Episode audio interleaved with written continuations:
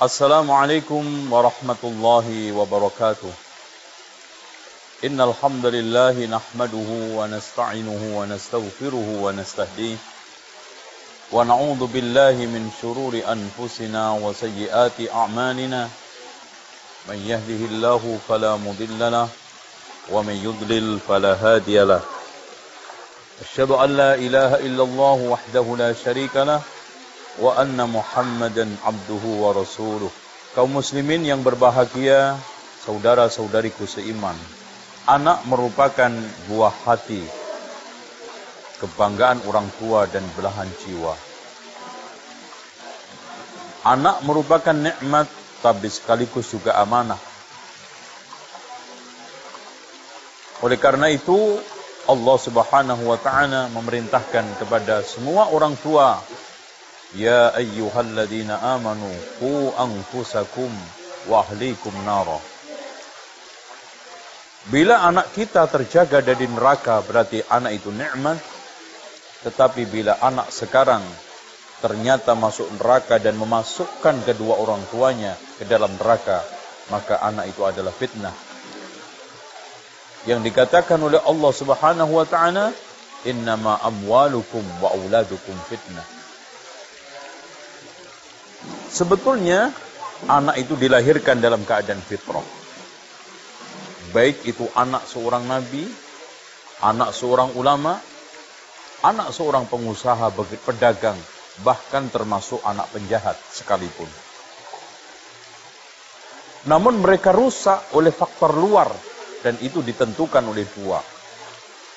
Yang pertama adalah syaitan yang telah dikatakan oleh Allah Subhanahu wa taala di dalam hadis qudsi khalaqtu ibadi hunafa'a fajtalathum syayatin. Telah aku ciptakan hambaku ini dalam keadaan lurus kemudian dibelokkan dirusak oleh syaitan.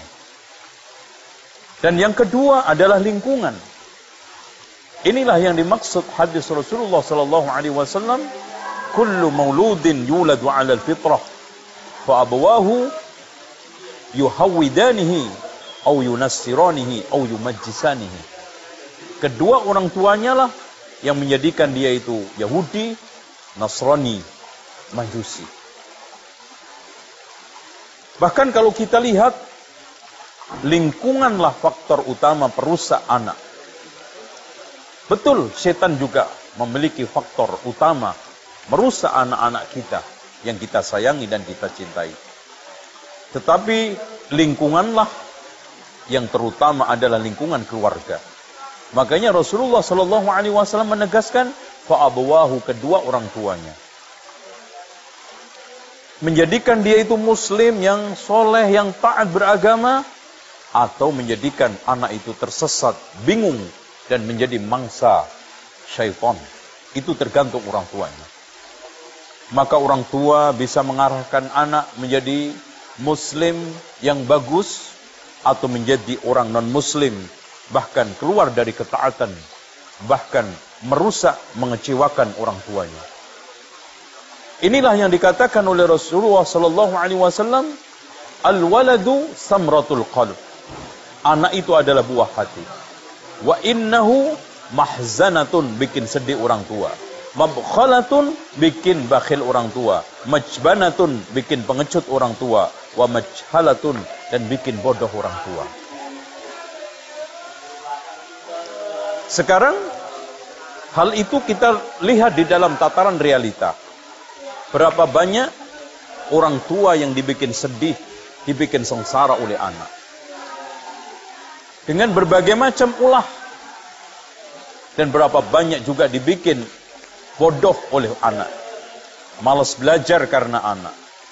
Telat belajar karena anak bahkan dibikin bakhil sulit untuk keluar infak juga karena anak dan tidak kalah pentingnya adalah pengecut ya enggan berkorban apalagi jihad di jalan Allah juga dikarenakan anak oleh karena itu orang tua memiliki kewajiban utama yaitu mendidik anak. Terbialah yang sekarang ini anak menjadikan simpanan orang tua di akhirat nanti. Maka Rasulullah sallallahu alaihi wasallam mengatakan, idza mata banu adama in qata amaluhu illa min thalathin sadaqatin jariyatin aw ilmin yuntafa'u bihi aw waladin salihin yad'u Jika anak Adam meninggal dunia, maka terputus dari seluruh usahanya kecuali sodakoh jariah atau ilmu yang bermanfaat atau anak soleh yang mendoakan. Kaum muslimin yang berbahagia, memang memiliki anak soleh tidak semudah membalik tangan. Karena anak soleh begitu dahsyat di hari akhirat. Bagaimana ada orang tua yang terangkat derajatnya di hari kiamat di surga setelah dia penasaran maka dikatakan kepadanya bistighfari waladika laka karena istighfarnya anakmu kepadamu. Allahu akbar. Tapi anak bisa menjeburkan orang tua ke dalam neraka. Anak juga men, bisa menghadirkan kemurkaan Allah Subhanahu wa taala kepadanya. Tergantung kita semua. Dengan demikian, orang tua harus sejak dini sungguh-sungguh serius. Bagaimana menjadikan si buah hati ini menjadi simpenan di akhirat, kebanggaan di dunia dan juga kebanggaan nanti kita menghadap Allah Subhanahu wa taala. Demikianlah semoga sekilas yang kita sampaikan ini bermanfaat. Cuma saya memberikan catatan anak memang kebanyakan nyusahin orang tua. Dan orang tua semuanya mengetahui bahwa anak memiliki anak itu lebih banyak susahnya daripada senangnya. Tapi alhamdulillah kita diberikan rahmat oleh Allah Subhanahu wa taala kenikmatan senang disusahin oleh anak. Kalau kita perhatikan dari mulai awal, dari mulai hamil disusahkan oleh anak 9 bulan. Senangnya cuma sekali mungkin lahir. Kemudian disusahkan lagi harus mencari pendidikan dari mulai SD, eh, dari mulai TK, SD, SMP, SMA, perguruan tinggi. Ya. Ini semuanya bukan hanya sekedar masuk sekolah, harus memikirkan biayanya, harus memikirkan bagaimana anak ini nanti prestasinya, bahkan harus mundar-mandir ke tempat lembaga pendidikan, harus nengok, harus melihat, harus mengawasi, harus mengontrol, mencarikan tempat kos yang baik, mencarikan teman yang baik. Banyak susahnya punya anak. Tapi Alhamdulillah kita diberikan oleh Allah karunia. Senang disusahi anak. Dan Orang tua tidak pernah segan-segan untuk mengorbankan apa pun demi anak. Bahkan nyawa pun rela untuk dikorbankan demi anak. Mereka sampai berjibaku untuk mengais rizki di tempat-tempat yang berbahaya dan sulit untuk kebahagiaan sang anak. Sehingga di sinilah rahasia kenapa Allah Subhanahu wa taala banyak mengingatkan anak supaya berbaik, berbuat baik kepada orang tua bukan orang tua berbuat baik kepada anak itu jarang. Kenapa? Karena kalau anak enak, orang tua jadi pembantu. Tapi kalau orang tua kaya, anak menjadi majikan. Bagaimana tidak pembantu? Perhatikan ketika saat melihat anak kaya raya.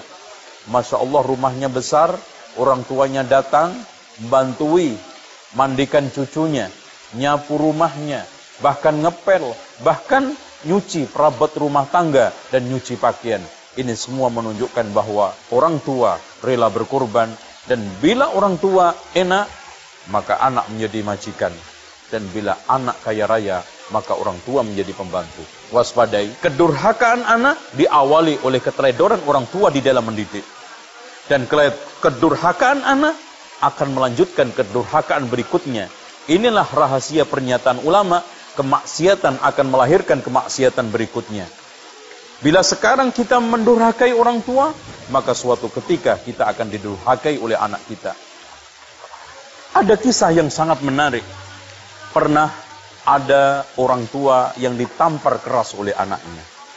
Kemudian ada seorang ulama yang melihatnya, lalu mendatanginya dan bertanya, Kenapa wahai fulan, kamu diperlakukan anak kamu seperti itu diam saja? Maka orang tersebut mengatakan, biarkan di tempat inilah persis dulu saya pernah menampar keras orang tua saya. Allahu Akbar. Dibayar kontan.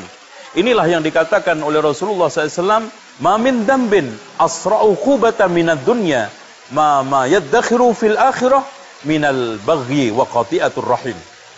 Tidaklah ada suatu dosa yang balasannya lebih cepat dikuntani oleh Allah di dunia, masih ada simpenan nanti di akhirat ketimbang melampaui batas dan durhaka kepada kedua orang tua memutuskan silaturahmi dengan kedua orang tua.